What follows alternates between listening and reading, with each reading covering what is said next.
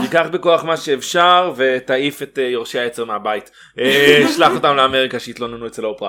אז כן כן כן אני זה אני משפט אני הפתיחה שלך.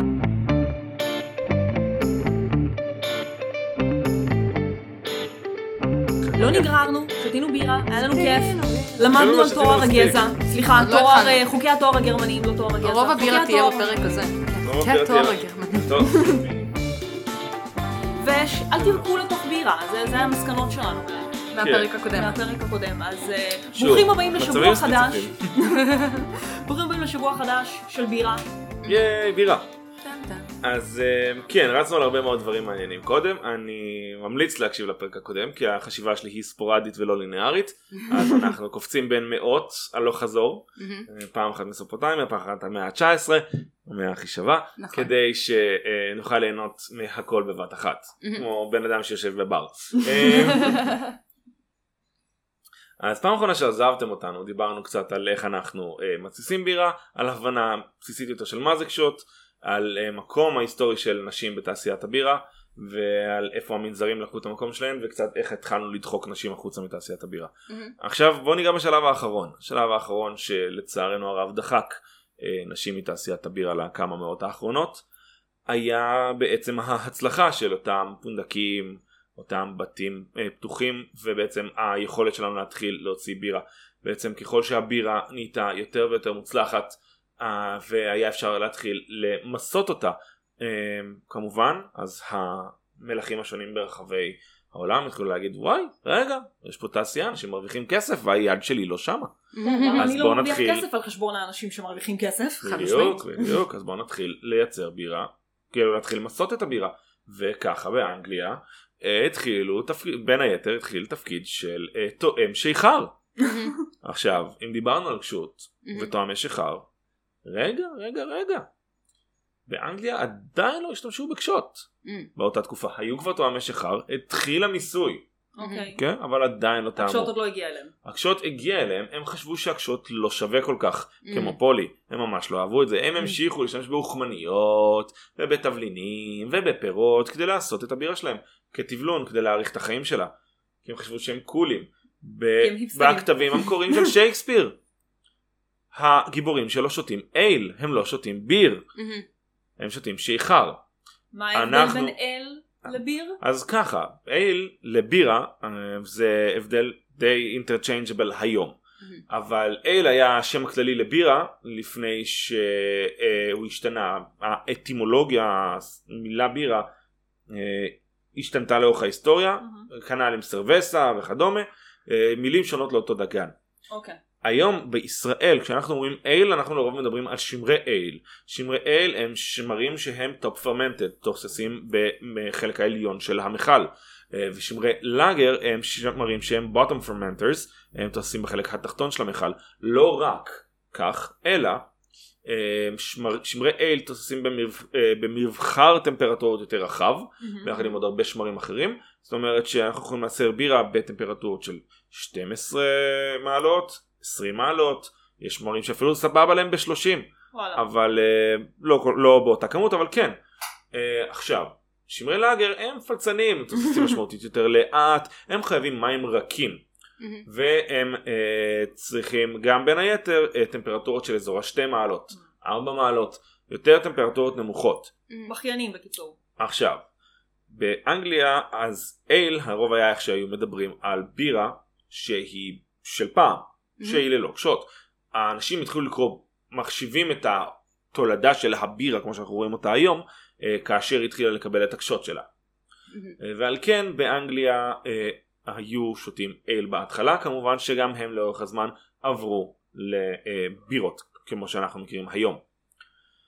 עכשיו, מעבר לשייקספיר ותואמי השיכר, אה, כאשר התחילו למסות בירה והתחילו בזכות הקשות ותהליכים יותר מדויקים להצ... עוד לפני הפיסטור להצליח לשלוח בירה ממקום למקום כי יש לנו חוויות טובות. כן. ויש לנו uh, תבלינים ויש לנו קשות ויש לנו הבנה בסיסית של התהליך ויש לנו מפעלים שמייצרים את זה בצורה חלקית uh, אם זה בתים ואם זה בוא נקרא לזה עסקים קטנים מבשלות קטנות שהם עוד לא מפעל תעשייתי גדול ויש לנו מס אז רגע כשצריך לעשות מס אנחנו צריכים מישהו שינהל עובדים ינהל צוות יזמין מלאי יחתום על חוזים צריך מישהו שיהיה חבר בגילדה פרויקט. לנשים. אסור להיות חברות אה, בגילדה. חברות בגילדה. אה, למה אני לא יודע אני לא אמרתי המסע עכשיו הולך להיות. רווי גזענות אני לא יודע למה כן. אה, לנשים אסור להיות חבר בגילדה כי אני אף פעם לא הייתי חבר. בגילדה כי אסור לאנשים כיף. כנראה אז אני אף פעם לא הייתי חבר בגילדה אבל בוא נפתח גילדה משלנו. אני עכשיו עם הלחיצת יד הסודית אני לא צריך להחזיק בירה ביד הזו אז לאור העובדה שנשים לא יכולות להיות אה, חברות בגילדה ובירה אנגלית אני אפתח לנו בירה אנגלית בינתיים וואו! אה, בירה? אנגלית קלאסית הוב גובלין כולם Mhm. מכירים. בירה אדמונית כיפית מאוד מאוד נחמדה אנחנו נתחיל עכשיו גם לדבר קצת בסגנונות אז זאת בירת אייל אנגלית אבל זו עדיין בירה זה עדיין עם כשות. כן? ממש אז גם נחמדה. פירות וגם... אין פירות זה כבר מת העולם של הפירות בירות אוקיי. פירות היום הם labeled כבירות פירות מהמם, אה, כמו שאמרתי באתי מהר מהבית אז לא הבאתי בירות פירות איתי מהמם. אבל הן קיימות שם בשוק אני מוכן לעבור עליהן אם תרצו גם ועוד פעם ככבוד נמזוג קודם לנשים בקהל. אם כבר... בגלל אה, שאסור להן כיף אז הפעם לפחות נפצה אותן. כן, זה מה שנקרא היסטורית מידרו אותנו מהבירה. זה שלכן במקור אנחנו פה ליהנות כמו כל דבר בחיים תודה. בזכותכם אנחנו פה אנחנו קצת קצת כי אני עוד נוהגת קצת הביתה. קצת חשוב. אנחנו צריכים לחלוק לכן כבוד קמפיין. לחיים קמפאי Cheers. צ'ין צ'ין סקולה. המהירות כן נובעת מהקשות אבל כן יש לנו פחות קשות בבירה הזו שימו לב שהבירה הזו להבדיל מהקודמת שטעמנו. הצבע שלה אדמוני הגינס הייתה שחורה מהמם. אוקיי וה... אה. והברלו הפילזנר הייתה בהירה. זו אדמונית. אנחנו צריכים לזכור מי החבר מספר אחד שלנו בסיפור הזה וזה לטט. מהמם.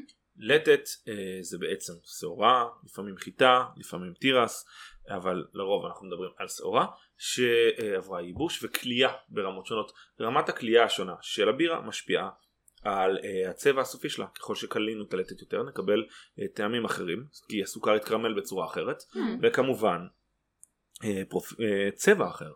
אז הגינס שחורה כי יש לנו שימוש בהרבה מאוד לטט קלוי מאוד, אפילו לטט שהוא ברמת השרוף. שזה חלק. מהכיף כי זה נותן לו קריספיות מסוימת. אה, הבירה הזו היא אדמונית כי הלטט הוא בעיקר בכלייה בינונית, כליית מדיום. וגם כן, כנראה, יכול להיות אני טועה, תקן אותי, כי נגיד לגינס יש גם טעם קצת מעושן. הטעם המעושן מגיע קפה. מלשרוף ממש את הלתת לרמה שאין בו כמעט סוכר בסיס. אה, הלתת השרוף הזה אה, מתאפיין גם בטעמים של עשן. אה, כמובן. עכשיו, ככל שעוד פעם, תחשבי על זה ככה, אה, אני לוקח עכשיו לחם, שם אותו בטוסטר, כי בסוף בירה זה לחם. אם אני לוקח לחם כמו שהוא, בלונד כזה, רגוע. כן. אם אני קולה אותו קצת, אני אקבל אותו טיפה כזה טוסט אדמוני, ואם אני שכחתי אותו לשעה בטוסטר, אני כן. אקבל שריפה. אבל אם התעוררתי קצת לפני שנולדה השרפה, יש לי לחם שרוף לגמרי, בלי שום ערך תזונתי, חוץ מהעובדה שיש לו טעם של שרוף. מהמם. אז אה, כן, חלק מהקסם בגינס זה שקצת, לא כל, חלק מהלטת שמשתמשים בו הוא לטת שרוף כזה. שהוא שרוף לרמת השרוף. וזה מה שנותן את הטעם הטיפה סמוקי והמאוד. חמוד הזה.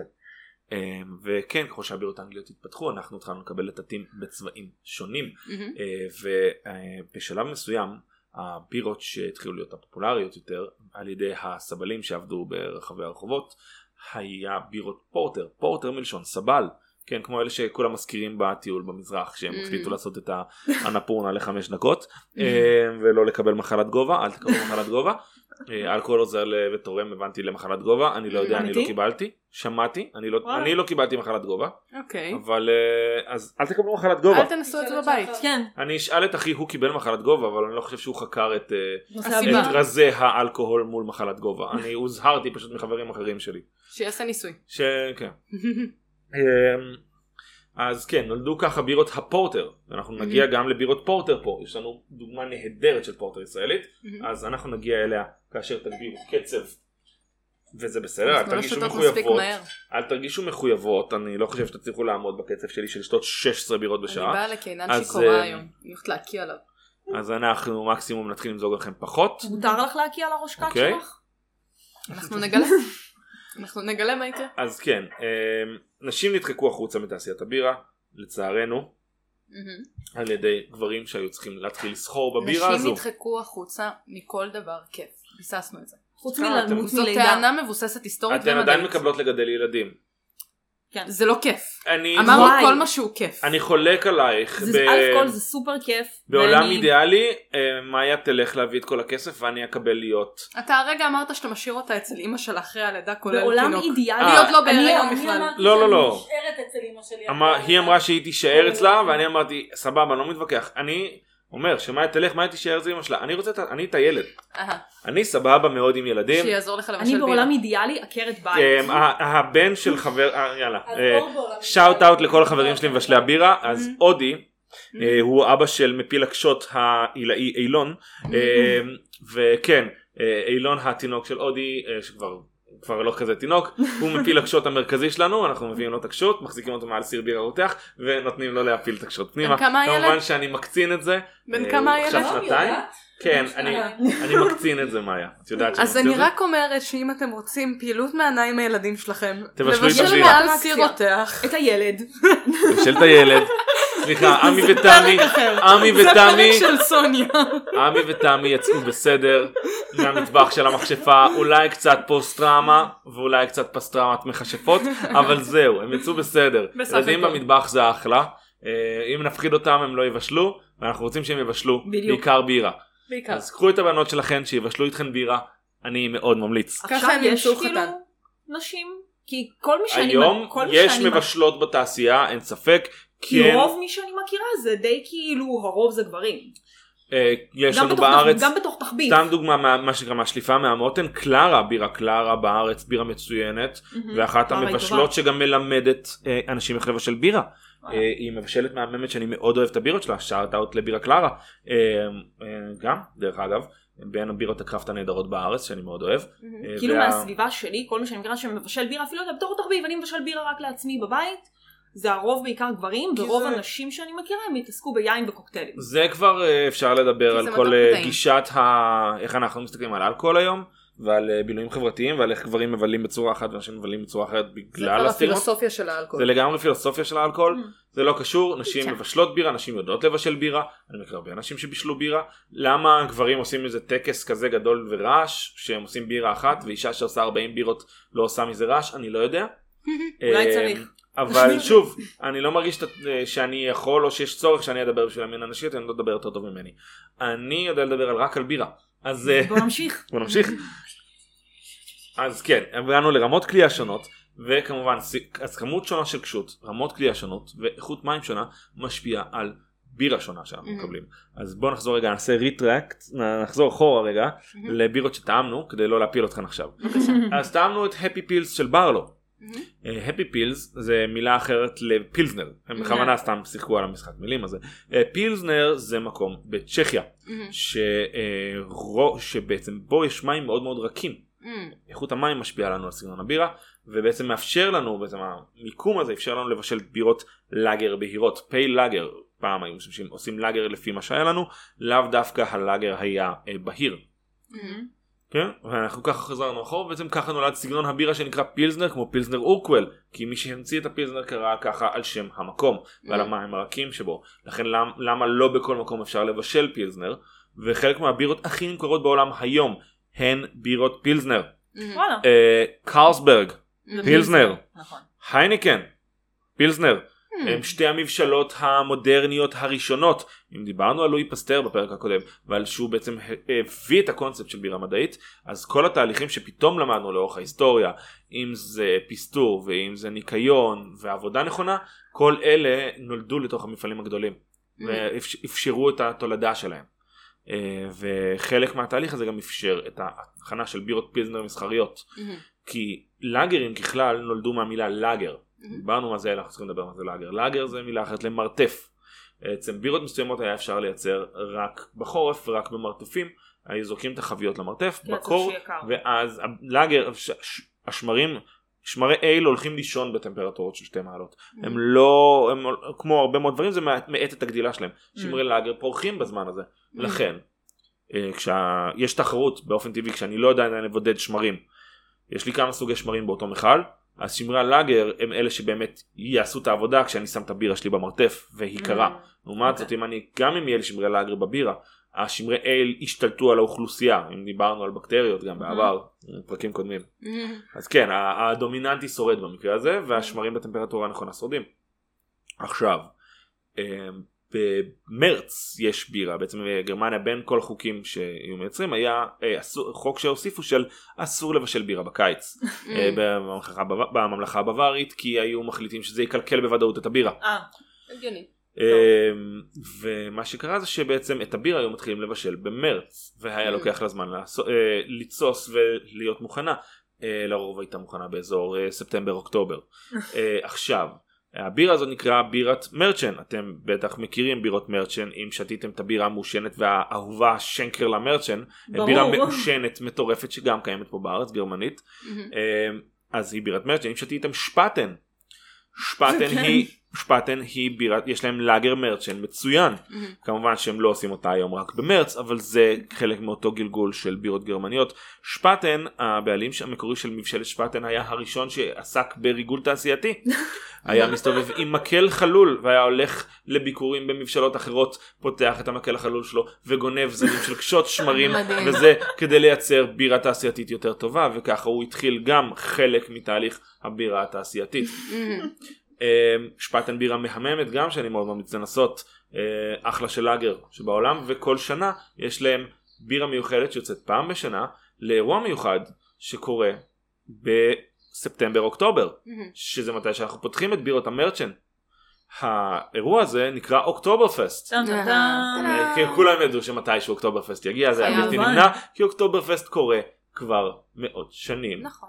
מאז החתונה הרשמית של אמ, אני שונא להיות on the spot זה הרגע שבו המוח שלי עושה בלנק ברח לי תבדקו לבד בגוגל מה זה מה, מה השם של הנסיך והנסיכה שהתחתנו באוקטובר פסט אבל זו הייתה מסיבת חתונה שלהם שבה פתחו בדיוק את כל חביות הבירת מרצ'ן שעשו במרץ ועשו גם כמה מרוצי סוסים וזה היה כל כך כיף והחגיגות נמשכו כל כך הרבה זמן שהם החליטו בוא נעשה את זה שוב פעם גם שנה הבאה כל שנה. בנישואים וככה זה קרה כל שנה עד היום במינכן במינכן בברלין בברלין במינכן מינכן. במינכן כל שנה עד היום האוקטוברפסט הראשון היה במאה ה-19 מהכישרון.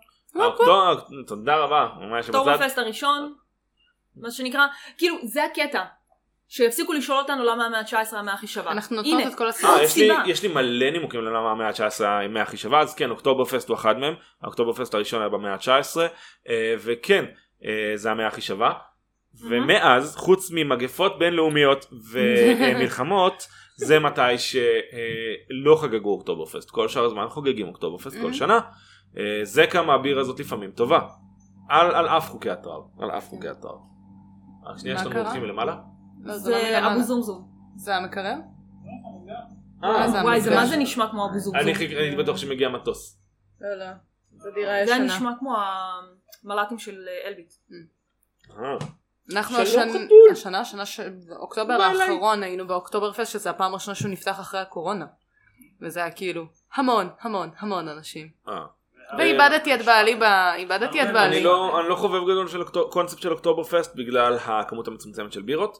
אני כן מאוד אוהב פסטיבלי בירה, אני פשוט מעדיף פסטיבלי קראפט, טעם אישי. מהמם. אה, לשתיין הממוצע אני ממליץ על אוקטובר פסט בגלל האווירה המטורפת חד משמעית. והשמחה הגדולה שיש בסביבה. לשתייני הקראפט המנוסים, אה, סמנו פעם אחת ויה לאוקטובר פסט, אבל אה, תכלס פסטיבלי הקראפט מסביב לעולם, פסטיבלי הקראפט בארץ. אתם פשוט מענה מטורף למי שרוצה לטעום הרבה סוגי בירה. ובין היתר כמו שאמרנו שפטן המרגלים התעשייתי- התעשייתיים בין הראשונים בעולם שעשו בירות מרצ'ן. הם גם אה, עושים פעם בשנה בירת אוקטובר פסט מצוינת שמגיעה פה לארץ ואחלה אחלה אחלה של בירה.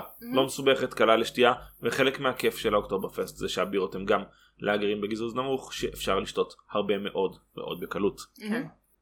אה, ובואו נמשיך ונתגלגל עם המבשלות הגדולות. אה, אז כן הבירה שלנו כבר עם קשות כן הבירה שלנו עם שמרים. כן יש לנו את כל מה שאנחנו צריכים כדי באמת ליפול חזק. מהמם.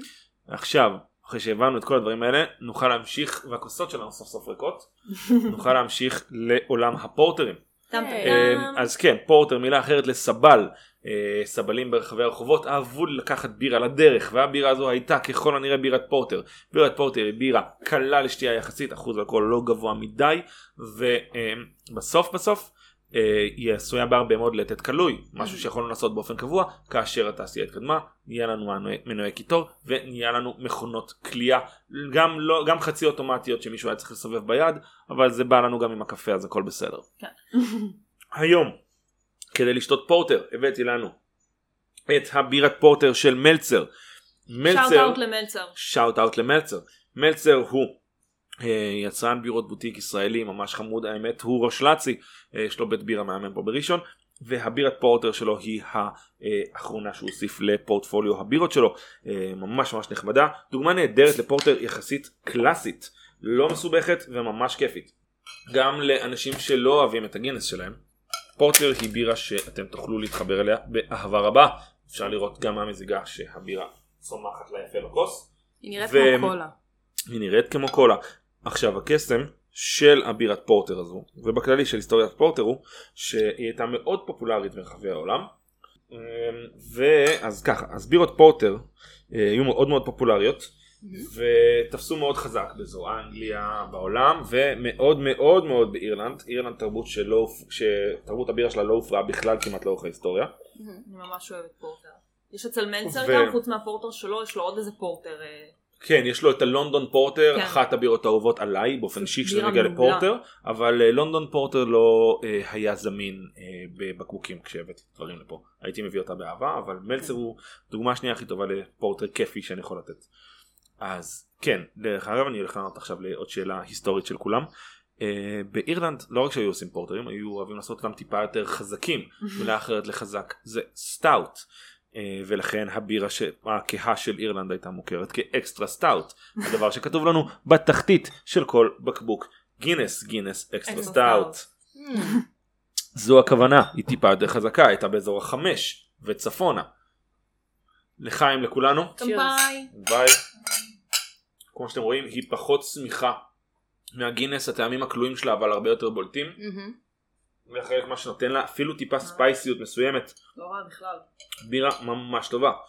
ולא בירה שמקשה עליי לשתות במהלך יום עבודה תוך כדי אני שאני הולך ממקום אחד למקום אחר וסוחב מטען. זה הבירה של שליחי אבות של פעם.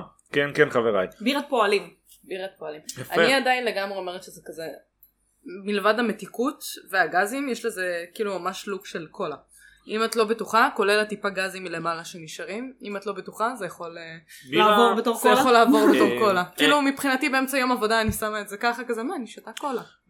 הערה אנקדוטלית שלא הבאתי דוגמאות שלה אז קצת לא, לא, לא הלכתי להתעמק היום בעולם הבירות הבלגיות אבל כן בירה הייתה נחשבת לאחד המלכות הקלים הכי נפוצים בבלגיה היה להם, יש להם קטגוריה שלמה ש, של שעה לפחות ליום אחר על אה, עולם הבירות הבלגיות.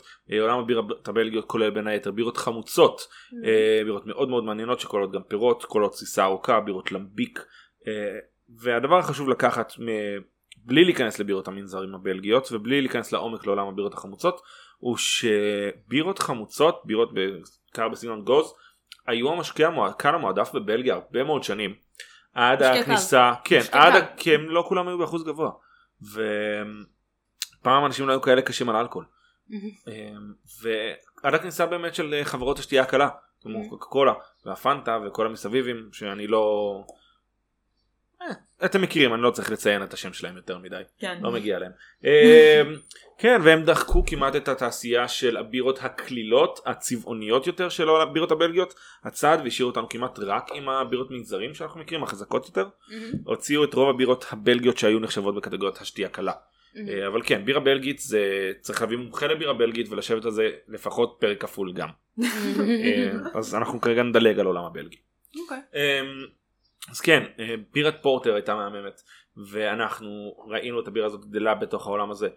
עכשיו אה, הבירה זזה ביחד עם האימפריות שלנו מסביב לעולם. הבירה זזה עכשיו לעוד שני מקומות מעניינים שהולידו לכמה לשלוש מקומות מעניינים שהולידו כמה בירות מאוד מאוד מעניינות.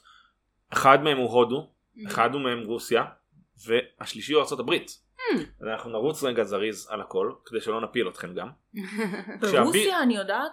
מה יכול את להיות- יודעת? יכול להיות שאני טועה. ספרי לי. זה סיפורים כזה של אה, סבתא.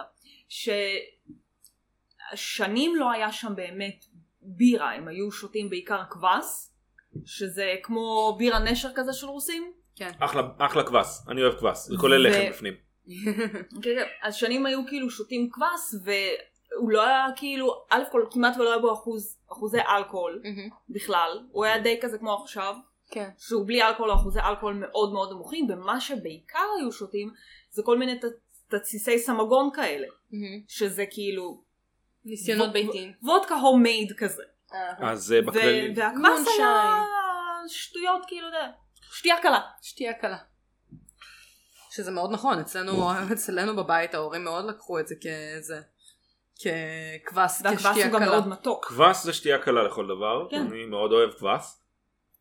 אבל אה, כן, לאורך ההיסטוריה אה, בירה ותזקיקים היו במעין אה, מיני מלחמה על העבודה שלהם, אפשר לראות את זה במלא מקומות מעניינים, אפילו הגיע לרמת הציורים ואומנות, ההשוואות בין תזקיקים לבירה, גם להסכמי סחר, סתם דוגמה, בירה אמריקאית לא כזה big deal, כי לא היה יותר מדי ערך לבירה בארצות הברית לפני הגלים המאוחרים, היו מייצרים בירה, אה, סמואל אדמס שהיה חלק מהמהפכה האמריקאית ביחד עם אה, הנקוק ועוד לא מעט חבר'ה אחרים היה אה, מ- איך קוראים לזה? יצרן לטט בין היתר ויש לו מותג ויש מותג בירה על שמו היום כמובן. כן.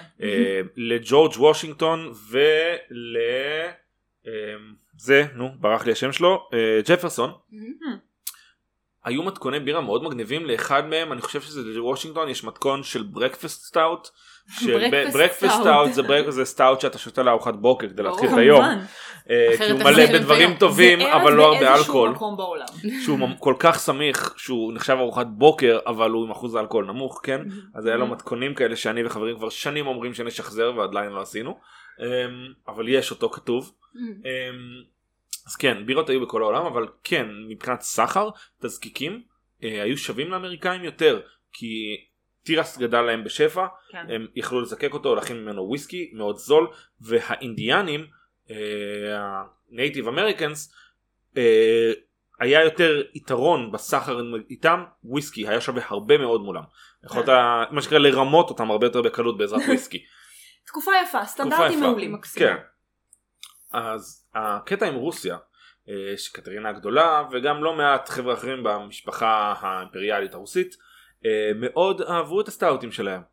ממש אהבו את הפורטרים ואת הסטאוטים. כן. אבל מה לעשות כשאתה שולח עדיין בספינות ובחביות בחביות עץ את הבירה שלך מעבר לים בחורף הבירה קופאת. מה אנחנו עושים כשמשהו קופא? מוסיפים לו עוד אלכוהול. וככה נולד קטגוריה נהדרת עם הפורטר הייתה בירה קלילה ו fun נולד לנו בירה שקוראים לה Baltic porter. ואחריה כשכבר נכנסים לקטגוריה האהובה עליי דרך אגב בעולם. הבירה האהובה עליי בעולם היא imperial stout ולא סתם imperial stout Russian imperial stout זה הקטגוריה שהייתה Russian לרוב. אימפיריאל סטאוט. ראשן אימפיריאל סטאוט זה בעצם בירה שכבר מגיעה לאזור ה-10 אחוזים 9 10 אחוזים חסכתי אותה מכם זה כבר לא לא בירה. הבאתי אותה כבר לא זה כבר בירה. לא בירה. זה בירה מהממת ואני זה בירה אה, שרוסים שותים את זה לארוחת בוקר. אני משקיע הרבה מאוד אני מושקע מאוד מאוד חזק בבירות imperial stout אה, ומאות שקלים בבית שאני שומר אותם כי זה בירות שיש להן פוטנציאל יישון מהמם הבירה אפשר ליישן אותה כמו יין ואף יותר כן וואלה. אה, זה גם כן לקטגוריות הבירות הבלגיות כי אם יש בירות ששווה ליישן הן הבלגיות בירות בלגיות שהתיישנו 10 שנים זה אחד הדברים הטעימים שיצא לי לשתות. אה, כל יום לומדים משהו חדש. חד משמעית. אבל כן הבאתי לכם בלטיק פורטר אם יש לכם עוד כוח כמובן. בלטיק פורטר הוא באזור השבעה אחוזים כן זה גם כן מברלו זה בעיקר נשים לכם מעט לא חייבים לסיים את זה הפעם כי זה בעיקר כדי להבין. את הקונספט אז אה, תגידי לי את מה את חושבת ואני כמובן אצטרף אלייך שלא תשתי לבד את לא כמו שותה? אני עוד שביססנו את בפרק הבית קודם שלי. שותים רק. בחברה צ'ירס. איכשהו כל פעם שמגיעים לפרק אלכוהול אני שותה יותר ממך. אני צריכה להגיע לבית שלי בבטחה, אני השימוש אוהבת את ביותר הרגישויות לטט שלי. מוביל כמובן מרגישים את הלב. לטעמים יותר מורכבים לארומות יותר חזקות. כן אה, תרגיש חופשי לסיים את הבקבוק אם תרצי. אה. אני אקל קינן. אה, תמיד חשוב לחלוק את האלכוהול שלך לא משנה איך. אז חצינו את הים הבלטי כדי להגיע לרוסיה בוא נחצה את האוקיינוס ונגיע להודו. טם טם טם. טם טם טם. האנגלים שלנו כן כן האנגלים עכשיו הם באמת ההאב המרכזי שלנו לכל מה שקשור לקולוניאליזם ואימפריאליזם אז האנגלים שירתו בהודו הם באו כמובן להפיץ את הבשורה. כן. תפיץ את הבשורה. של, הקול... של כמה זה כיף להיות קול... קולוניאל. של כן. כמה זה כיף להיות בריטי. תיקח בכוח מה שאפשר אז כן, זאת הבשורה, תיקח זאת בכוח הבשורה. מה שאפשר. תיקח בכוח מה שאפשר ותעיף את אה, יורשי העצר מהבית. אה, שלח אותם לאמריקה שיתלוננו אצל האופרה. אז כן כן כן אני אני אני שלך. אני גם עוקב אחרי התהפוכות במשפחת המלוכה זה מצחיק מדי בשביל לא לעקוב. זה נהדר. זה כזה תה. אז זה כל כך תה, אני אוהב תה. אז אה, כמובן שהבריטים שירתו בהודו כי הכל שלהם. עכשיו, מה יעשו החיילים הבריטים המסכנים? אה, הם נמצאים בהודו, הם רוצים בירה והבירה מגיעה מקולקלת כל פעם. נכון. הם יבואו למבשלה הכי קרובה לנמל ויבקשו שיעשו להם בירה. הבן אדם רצה לעשות בירת אוקטובר כמו בירה של אוקטובר פסט אבל כמובן שמרים אחרים אנחנו עדיין באייל אנחנו עדיין באנגליה. אוי לא אנחנו גם צריכים לחצות את הים מה אנחנו נעשה? נוסיף עוד קשות. קשות יהיה הגורם המשמר שלנו. כמו שכבר ביססנו למדנו כבר את כל שאר הדברים. אז כן קשות היא הגורם המשמר שלנו. נוסיף עוד קשות נשים את הבירה בחביות עץ. הבירה תיטלטל לה. הלוך וחזור בתוך, ה, אה, בתוך החביות שלה. במהלך מסע בים מסביב לאפריקה. כי אז עוד לא הייתה תעלת סואץ מסע מאוד מאוד ארוך יפ. והבירה שבדרך כלל לפי המתכון המקורי הייתה אמורה להתיישן במשך שנה ומשהו בחבית. ואז עוד שנה בבקבוק לפני שאפשר לשתות איתה המסע החום התנועות והקשות גרמו לה להגיע מוכנה. וככה נולד לנו אה, סגנון שנקרא אינדיה פייל אייל בעצם הוא לקח את סגנון הפייל אייל בהיר יותר כי הקהות היו בדרך, מתקלקלות בדרך. והשימוש של לטט בהיר יחד עם מתכון של pale ale והוספה של כשות הוליד את ה India pale ale יש לי פה India pale ale ו pale ale בשבילכם לטעום ואז זה. הפך ל-IPA. IPA הוא ראשי תיבות ל India pale ale כן כן לכל הסקרנים שניסו להבין מה החבר ההיפסטר חזרנו אותו חבר היפסטר שעושה חמוצים. אה, זה למה שהוא כל. החברים ההיפסטרים כל אוהבים לשתות החברים ההיפסטרים IPA. שותים IPA אף על אני פי אוהבת ש- ש imperial stout הוא הדיבור אה, כן אני אוהבת שפיץ' ממש אוהב לה- להשתתף בפודקאסט היום. כן. אני מת על פיץ' אני בעד שישתתף תמיד. רק מאז כן. הביתה. קודם כל כן, הוא חתול שחולה על דני. דבר שני, מאז שהבאנו את פיץ' פלוס מינוס, פולי החליטה לעבור לקריית גת, אז כמעט ואין לנו פרקים פרונטליים, אז עוד לא יצא לשמוע את החתול הזה מספיק בפודקאסט, אז הנה הוא עושה את ה... עושה את שלו. הוא עושה את ה... כן, את ה debut שלו. הופעת נכון, כל. פעם כשבאים בחתולון. לשלומי, מהמם. אז זה כזה, נגיד, אני לא זוכרת כמה ברזים יש לו, איזה שבעה, משהו כזה. ואז הכל הכל הכל IPA. כי כולם שם יש להם מחלת IPA, ואז אני- יש לך פתאום איזה כאילו. אני אוהב שאת מלכלכת. ואז פתאום יש איזה ברז אחד או שניים לכל האנשים. שאוהבים בירה רגילה, אני של אנשים מלכלכת. פשוטים. אני אמסור לשלומי, אני אמסור העם. לשלומי שאת אוי, זה מלכלכת. מראה. אני לא טוב. מלכלכת, הוא יודע. אה, כבן אדם שמוזג אצל שלומי, הוא יודע. אני באה אליו, כל פעם שאני באה לשלומי כזה, שלומי יש בירה של אנשים פשוטים. נכון אבל את מלכלכת יש לו ברז אחד של IPA. בירה של איכרים. יש לו ברז אחד של בלונד, ברז אחד של חיטה, ברז אחד של משהו אדמוני או בלגי, ברז אחד של סטאוט, ברז אחד של אור קיצר, וברז אחד של משהו מתחלף מוזר. חמוץ אנחנו בדרך צריכים כלל. להגיד שהפרק הזה not sponsored? או שזה... הפרק פרק הזה sponsored לא- של שלומי. הוא קצת sponsored. אם כבר ושל... ספונסר. אה, הוא לא באמת טיטלמן. sponsored, מה. המקבילה ל sponsored אבל הם לא מקבלים על זה כסף? כן, בדיוק. shout out. מקבלים על זה- shout out. לשלומי ולטיטלמן. אני אחזור על כל ה shout outs אז יש לנו shout out לטיטלמן משקאות העסק שאני מנהל ואני מאוד מאוד אוהב זה הבית שלי לכל דבר יש לנו shout out לקשקשתא הבר שבו אני אוהב להשתכר ופעם בכבר מוזג כי אם אתה שותה מספיק יכריחו אותך למזוג ולעבוד אה, אה, לקשקשתא shout out לבירה קלרה כמובן shout out. למלצר כמובן ואם shout out אז shout out לכל היצרני בוטיק הישראלים. חברים בירה בוטיק ישראלית זה חובה. בירה טריה זה תענוג. שתו את הבירות המקומיות שלכם. בירות זה מסכימה. הדרך הכי טובה to support your locals. זה ולכו להקשיב ללהקות קטנות. זה מה שאתם צריכים לעשות. תתמכו בתעשייה הישראלית וכל דבר. ככה אנשים מקבלים לעשות דברים חופשיים וכיפים ואנחנו לא אה, חייבים להיתקע עם החבר'ה הגדולים והתעשייתיים. יפ. אה, אני אשתמש בזה כמעבר חד מהמם. האמת במקום להמשיך לדבר על אינדיה פיילל כדי לדבר על ארצות הברית ולדבר. אה, בוא נעשה לחיים ונשתה את האינדיה פיילל שלנו כמובן. לפני. שאתה עובר הלאה. ה-IPA הזה הוא של ברודוג חבר'ה שהתחילו כבשלני קראפט והיום הם אה, תעשייה גדולה והם מוסחרים אנחנו אוהבים אותם אפילו שהם התמסחרו זה הפאנק IPA שלהם בירה מאוד קלאסית מהמם. אז בוא נדבר על התמסחרות בבקשה. בוא נדבר על התמסחרות זה כמו- באמת. קצת כמו שהפודקאסט אה, הזה עשה בפרק- בפרק הזה. זה דבר מאוד. חשוב. אז עד עכשיו אמרתי, בירה אמריקאית לא הייתה כזו מעניינת. דיברנו על תעשייה הגדולה, דיברנו על אה, קרלסברג ועל הייניקן שהקימו מבשלות, ועל שפטן שהקימו מבשלות מקצועיות. אז uh, הרבה מהגרים גרמנים היגרו לארצות הברית. Uh, אדולפוס בוש, אחד האנשים שאני הכי מעריך, uh, באמת, כשזה מגיע- אדולפוס בוש. אדולפוס בוש, uh, שירת באחת מהמלחמות האמריקאיות, השתחרר, הוא מהגר גרמני והוא החליט uh, להתחתן עם uh, בחורה מקסימה ששייכת למשפחת אנהייזר, שהם היו משפחה של מבשלי בירה. אדולפוס בוש קנה לאט לאט את דרכו בתוך המבשלה המשפחתית של אשתו, ו... הפך אותה למבשלת אנהייזר בוש.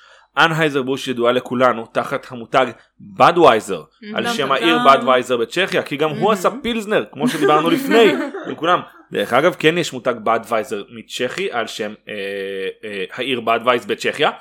אה, אז כן אה, יש שני בדווייזרים זה למה בדווייזר באירופה נקראת בד B-U-D ולא, או, ולא בדווייזר כמו שאנחנו קוראים לה בארץ או. בארצות הברית. אוקיי. כן כי וואלה. הצ'כים מאוד לא אוהבים שהם משתמשים בשם שלהם בבירה שהיא לא שלהם. אה, בדווייזר היו הרבה היו מבשלים גרמנים אחרים במידווסט אה, של ארצות הברית שהיו וקדמו לבדווייזר. אה, אחד החמודים בעיניי הוא Pabst אה, Pabst Blue Ribbon למי שהיה בארצות הברית. היא בירה מאוד מאוד נפוצה. אה, קוראים קוראים מוכרת כ best beer Pabst היה השם של האבא של זה שעשה את Pabst Blue Ribbon. אה, סרט כחול לקשור לבירה היה תרגיל שיווקי. ואז על הבירה שלו הופיע המילים best beer עם אה, סרט כחול שזה סרט שלרוב אתה מקבל בארצות הברית שאתה מנצח במשהו אה, Pabst Blue Ribbon היום כבר זכתה בפרסים אבל דאז לא זכתה באף פרס אבל כולם חשבו שהיא best beer עם סרט כחול עליה. ורשום עליה best beer וזה היה. תרגיל marketing נהדר אה, אבל אה, לא מעט מבשלות כמובן בישלו בארצות הברית וכולם היו מהגרים גרמנים אני לא מופתעת אפילו. אבל לא. אנהייזר בוש פשוט אה, הצליחו to obliterate את competition בשילוב של אה, שימוש בכל הטכניקות המקצועיות מקצועיות ששאר הממשלות שקדמו לו אה, כבר עשו. זאת אומרת שאם פעם אנשים היו משתמשים בקרח כדי להכין לאגר עדיין השתמשו בקרח הוא שם מקרר ואם ודרך אגב במידווסט יש הרבה קרח בשלבים מסוימים בשנה אז כן קרח זה למה הרבה אנשים בישלו שם.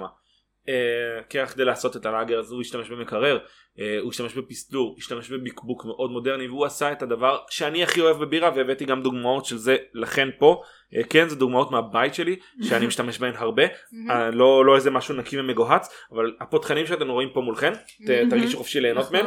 נצלם אותן גם יש לי גם אחר פותחן כך. של בדווייזר. גם יש לי כמה פותחנים. של באדווייזר אני מת עליהם. הקלאסי כאילו אדום. אני פשוט אוהב להשתמש בו בחנות אז אני לא משתמש בו בבית אני משתמש בבית בפותחן הזה כן של מיקלר ובפותחן בצורה של כובע של גמד של מבשלת אשוף הבלגית. אני מת על השטויות האלה וזה ממש כיף ואדולפוס בוש התחיל את כל הקטגוריה הזו של המרצ'נדייז? של של בירה? המרצ'נדייס אדולפוס בוש יזמות. ממש יזמות. גאון והוא התחיל לא רק למתג את הבירה שלו יפה המשאיות שלו היו ממותגות כשהן היו מסיעות את הבירה הוא היה נותן מאפרות ממותגות לברים פעם היו מעשנים בכל מקום גם בתוך הבר כן כן. עד לפני כמה שנים זה היה דבר איזה כיף גם שלא. מעשנים בתוך הבר יותר זה אני ממש נהדר. אוהב את זה אוקיי אמ, היה לו שלטים ממותגים ברזים ממותגים היה אה, הוא היה משכנע ברים תהליך שעד היום אה, חברות של שתייה קלה משתמשות בהם תחזיק רק את הבירה שלי. בוא הנה קח ככה וככה וככה ובוא ניתן לך מלא דברים ממותגים ותחזיק רק את הבירה שלי עכשיו. ובאדווייזר הרוויח אני חושב שביושר את השם סלוגן שלו ואת התואר שלו כ King of Beer זה השם שלו זה אחד המניות הכי נסחרות בעולם היום אמ, וגם אם נאהב או לא נאהב בירות ממוסחרות וגם אם נאהב או לא נאהב פשוט לאגרים שהם לא מסובכים דרך אגב באדווייזר משתמשים גם באורז בבירה שלהם אה, כדי לתת לה אה, פרופיל יותר crispy וממש חמוד שזה Hmm. דבר מאוד נפוץ. אתה לא חייב לאהוב את הממוסחרים אתה לא באמת חייב לאהוב את כל הקוקה קולות בעולם אבל צריך לתת להם את הכבוד שהם הגיעו לאיפה שהם הגיעו אם אתם רוצים מניה של קשה. בדווייזר זה 57 דולר. כן. היום. יפה יפה. זה נסגר על 57 דולר. AB InBev? זה כאילו... AB InBev כן. כן. AB InBev דרך אגב אם תהפכו בקבוקי בירה שאתם קונים מיבוא אתם תראו שהרבה מאוד בקבוקים מאחורה רשום עליהם אייבי אנד מדינה כלשהי אם תרימו בדווייזר זכוכית אתם תקבלו אייבי אנד מבלגיה אה, כי היא מייצרת על פי חוזה בבלגיה אבל אני הבאתי לכן היום פה לטעימה אם תרצו אין זו אגדה אה, אה, הבאתי לכן בדווייזר מארצות הברית ממיזורי אמרתי לא יהיה מססוסס בפרק הזה לצערי אבל אבל אה, מיזורי. הבאתי מיזורי במקום. אה, סתם המניה של בדווייזר היא יותר מהמניה של טוויטר. או-הו או-הו אה, שמעתי שמועות שהבעלים. של טוויטר הוא. הוא האנטי קרייסט. הוא האנטי קרייסט. שמועות. איפה שמעת את השמועות האלה? אה, לא יודע, אני חושב- אני חושב בבר ליד פולי, באותו שולחן. בין היתר. בין כן, מקומות אז אחרים. אה, כן, זה בקבוק אמריקאי, הוא עשוי אחוז ממתכת עם פקק סיבוב, זה מאוד מוזר. זה שאתה מאוד מוזר לבירה. כל כך רגיל לפתוח דברים אחרים, אבל איכשהו זה פאקינג טעים. Mhm. היתרון של האזור גם שהמים שלו רכים, את תרגישי. את זה כשתשתי את הבירה. אה, הבירה מאוד מאוד מאוד קלה. וזה חלק מהקסם שלה. Mhm. אה, בעצם כמו שאמרנו כימיית מים מאוד משפיעה על תהליך ייצור הבירה אולי ביום אחר גם נעבור על איך מייצרים בירה באופן Mm. מסודר. cheers. מישהו. שותה איתי או שאני לבד? אני טכנית שותה איתך אני פשוט עדיין בירה אחת אחורה כי אני מדבר. שוב. אז אני אעשה דאבל אני אסיים מהר ואני אשתה ואמזוג לעצמי תוך כדי. אז כן איינהייזר בוש אחד מהחלוצים מעבר לעולם הבירה אה, בעולם המיתוג בירה שלו מאוד מאוד ממותגת אה, המיתוג שלהם מאוד מאוד חזק והיום אנחנו זכאים ליהנות מהעובדה שיש לנו כל כך הרבה מרץ' של בירה בזכות אנהייזר בוש. מרץ של בירה זה הכי כיף בעולם. אני מת על זה מרץ' בירה זה אחד הדברים הכי כיפים בעולם. אז בוא נגיע לגל האחרון עכשיו אה, הבטחתי גזענות ואני חייב לקיים. חייב. פרוהבישן טם, טם, טם. אה, טם טם טם, נו היינו חייבים. אז פרוהבישן, תקופת היובש בארצות הברית בעברית למי שרצה לדעת. אה, תקופת היובש נולדה מהרבה מאוד סיבות. אחת מהן היא כמובן גזענות. כמובן. אה, כמובן כל. המהגרים הגרמנים האלה מגיעים פה לארצות הברית ונהיים מיליונרים בעזרת הכסף שהם עושים מבירה משקה כזה בזוי.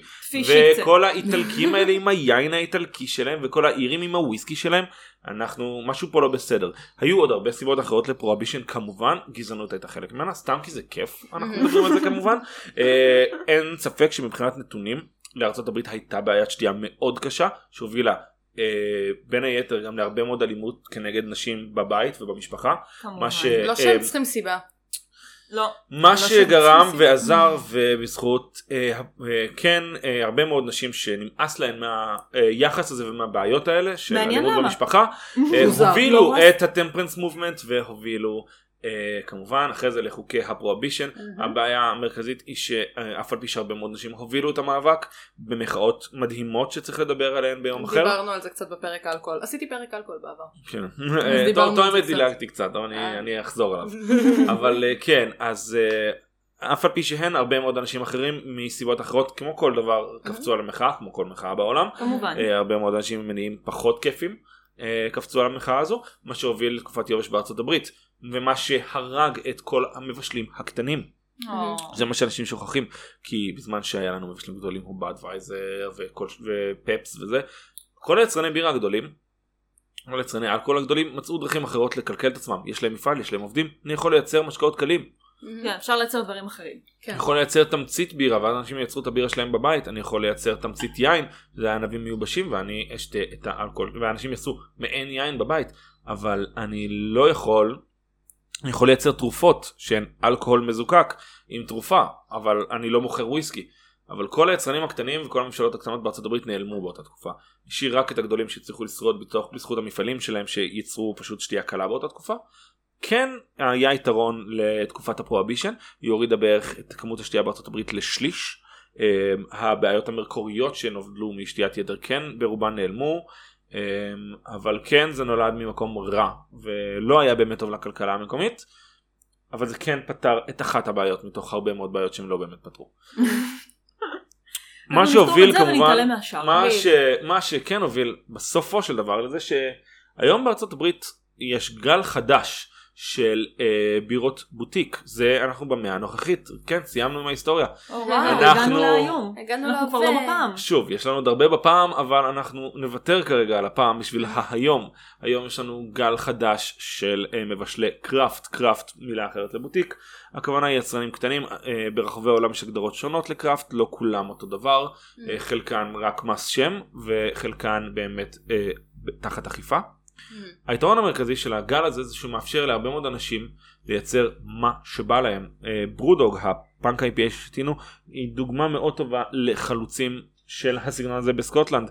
הפאנק IPA היה אחת הבירות שהם יצאו איתה כבירת אה, התחלה בעצם והשם גם הוא אה, חלק מהמחאה שלהם ברודוג אה, היה התחילה כשני חברים שהיו מבשלים בירה בבית והיה להם כלב משותף ושני החברים אה, בעצם אמרו הבירה הזו בושלה עם כלב.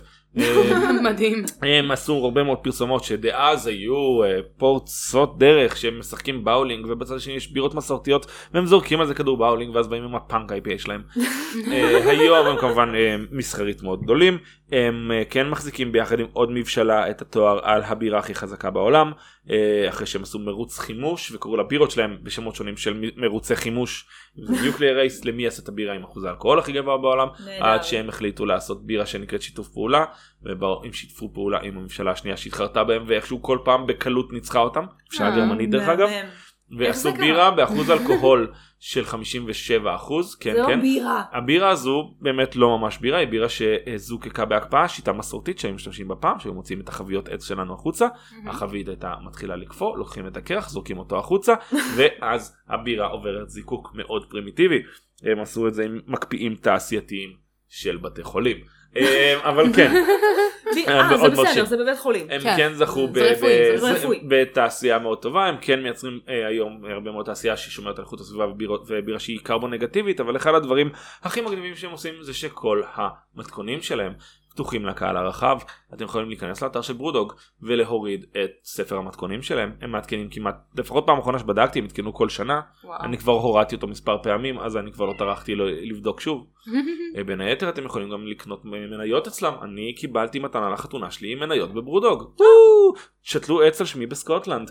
ו- גם לי יש עץ בסקוט. גם לך יש עץ בסקוטלנד. איזה כיף שיש לנו עץ בסקוטלנד יש לי אפילו כאילו קיבלתי חוברת יפה עם איפה העץ, מה העץ, מיקום. לבקר ממש? מקווה שלעץ שלי יש קילט. אתם באים לבקר את העץ שלכם? אני? לצערי הרב עדיין לא הייתי בסקוטלנד אתה באירלנד זה קרוב תבוא לבקר. אני פעם ראשונה הולך לנחות באי המאוחד. אה, מחר אז האמת תעשה קפיצה לסקוטלנד לא. תשקה את העץ שלך. אני הולך לעשות connection דרך אה, לונדון כדי להגיע לאירלנד Mm. אבל אה, בהזדמנות אני גם אקפוץ לסקוטלנד להשקות את העץ שלי. חייב. כשנטוס ללונדון ביחד אני לגמרי בורח לך ונוסע לסקוטלנד אין ספק.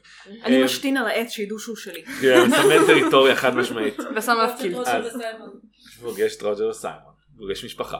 מהמם. אז כן BrewDog שטעמנו את ה-IPA שלהם הם גם כן חלק מה- כמו אותו גל של ה craft אבל הם לא אה, הם אולי הכי מוכרים פה בארץ בגל ה craft אבל הם ממש לא היחידים בעולם בזה הם כן אחת המניות המובילות גם כן הם, בתחום אבל אה, יש לנו מלא מלא ברמה של אי אפשר למנות אה, מבשלות craft בארצות הברית אה, אם אני לא טועה per capita פר ראש ארצות הברית מחזיקה הכי הרבה אה, בירת craft ומניות ומבשלות craft פר ראש וואלה. ב... כן שזה הייתי מטורף בטוחה שזה יהיה באירופה דווקא. גם אני הייתי בטוח. ואז הפילו עליי את הסטטיסטיקה הזו אמ, אבל כן אה, בירות מודרניות אפשר למצוא מארצות הברית יש לנו אלף ואחת סגנונות שנולדו מהעולם הזה וכמובן אה, יש לנו גם גל קראפט מהמם פה בארץ. כן. אה, ואנחנו בעיקר חווים אותו בשנים האחרונות אה, כבן אדם שחי את התעשייה הזו. אני זוכר את הימים שברודוג היה אה, מילה שאף אחד בארץ לא ידע בכלל מהי. ובירת קראפט הייתה דבר מאוד מוזר. אבל היום להפך זה עיקר השוק. אנחנו מאוד אוהבים את זה. כן מבשלות התחילו פה למיטב ידיעתי אני לא בקיא הכי גדול בהיסטוריית הבירה הישראלית המבשלת craft הראשונה למיטב ידיעתי הייתה Dancing Camel ב-2005 אה, נראה לי. ממש לאחרונה. נראה לי אה, שדנסינג כן, קאמל הייתה- ואחרי כאילו זה ממש הגיעו לאחרונה למרות שזה כבר כמעט לפני 20 שנה. זה עדיין זה אבל זה לאחרונה. כאילו ממש לאחרונה ומצד שני זה גם מזכיר לך כאילו כמה את זקנה כבר. 2005 זה היה לפני כמעט 20 שנה. אני זוכר שהייתי עולל ונפגשתי עם בירה נגב, אחת המבשלות בוטיק האהובות עליי, אה, ושתיתי את. הפורטר אלון שלהן המושלמת. אני יותר אוהבת בתור- Oasis. ה Oasis אני הייתי בהשקה שלה הייתה מהממת אבל פורטר אלון. עוד לא הייתי בגיל שתייה. אה, בתור teenager פשוט אחת הבירות שזכיתי לטעום זה היה נגב יצאו ב2008. גם כן יצרן מהמם אני מאוד אוהב את נגב shout out לקטנים שהתמסחרו יחד עם כל, ה, כל ה craft הישראלי הקטן שצמח בירה מלכה שעדיין ממשיכים לחדש גם כן כן. בין היצרני בוטיק האהובים והמוכרים במדינת ישראל אבל יש לנו לא מעט יצרני בוטיק מודרניים חדשים שעכשיו מתחילים את דרכם אם זה מלצר שנתנו לו כבר shout out וקלרה ו Nomads שעושה בירות שהן בין הישראליות ביותר שיצא לי להכיר כי הן מתובלות Mm. כמו הבירות ההיסטוריות אבל בתבלינים שמאפיינים את האופי הישראלי. אמ, מזרח תיכוני. מזרח תיכון חדש. ממש. Peace in the Middle East. אה, כן, אה, בירת שיטה, שאם כבר דיברנו על the Middle East, עשו בירה חומוס ממש עכשיו, שהייתה קורעת כן. לצחוק, הייתה מדהים. מאוד טובה האמת, כהוצאה חד פעמית שאני מקווה שהם יחזרו אליה, ועושים אה, מלא מלא מלא, איך נקרא לזה תעשייה עברית בערד, יש לנו את ערבה שעושים אחלה בירה בערבה. לערבה יש בירה כן, מעולה. יש לנו בירות בוטיק ישראליות בכל המפה, אני בחיים לא אצליח למנות את כולם. זה כמה בירות יש לנו היום. הקראפט הישראלי כולל מעל 200 ומשהו מותגי, כאילו בירות שונות שאתם יכולים לבוא, לבחור בחנות המקומית הקרובה לביתכם וליהנות מהם. אה, ובכללי תעשיית הקראפט בישראל כוללת היום הרבה מאוד בירות שאתם יכולים למצוא בכל מיני מקומות. אני ממליץ לכם לצאת החוצה אל הבר השכונתי שלכם וחנות האלכוהול האהובה אליכם ולחפש מה הבירה שאתם הכי אוהבים. ניסוי וטעייה, לאט לאט. ממש פשוט. תהנו. זהו. בעיקרון, אה, אם יש לכם שאלות, אה, אני אשמח לענות לאלף ואחת שאלות בעולם הבירה. אה, תהליך, דבר, תרביצו. אני חושבת כבר שאלנו כזה תוך אני- כדי. כן, אני, אני הרבה שאלות. אני לא מכירה מספיק בירה, אז אין לי הרבה שאלות על בירה. בסדר. חוץ מזה שהיה לי טעים. טעים זה חשוב. אה, יש בירות פירות שלא דיברנו עליהן, שזה בירות עם פירות, שזה שזה דבר בירה מאוד שאני יפה. אוהבת, ליפמנס, ליפמנס מהממת. וקסטין. ליפנס מהממת. גיליתי שבליפמנס יש הכי פחות קלוריות מכל הפירות הפירותיות. באמת? כמו שאמרתי אני בחיטוב, אז עשינו השוואה בין קסטיל לבין שוף לבין ליפמנס, ובליפמנס יש הכי פחות קלוריות. אה, ברמת הפרסומת הזולה היום יש עוד משקאות אה, אלכוהולים ששווה להכיר שהם דלי קלוריות.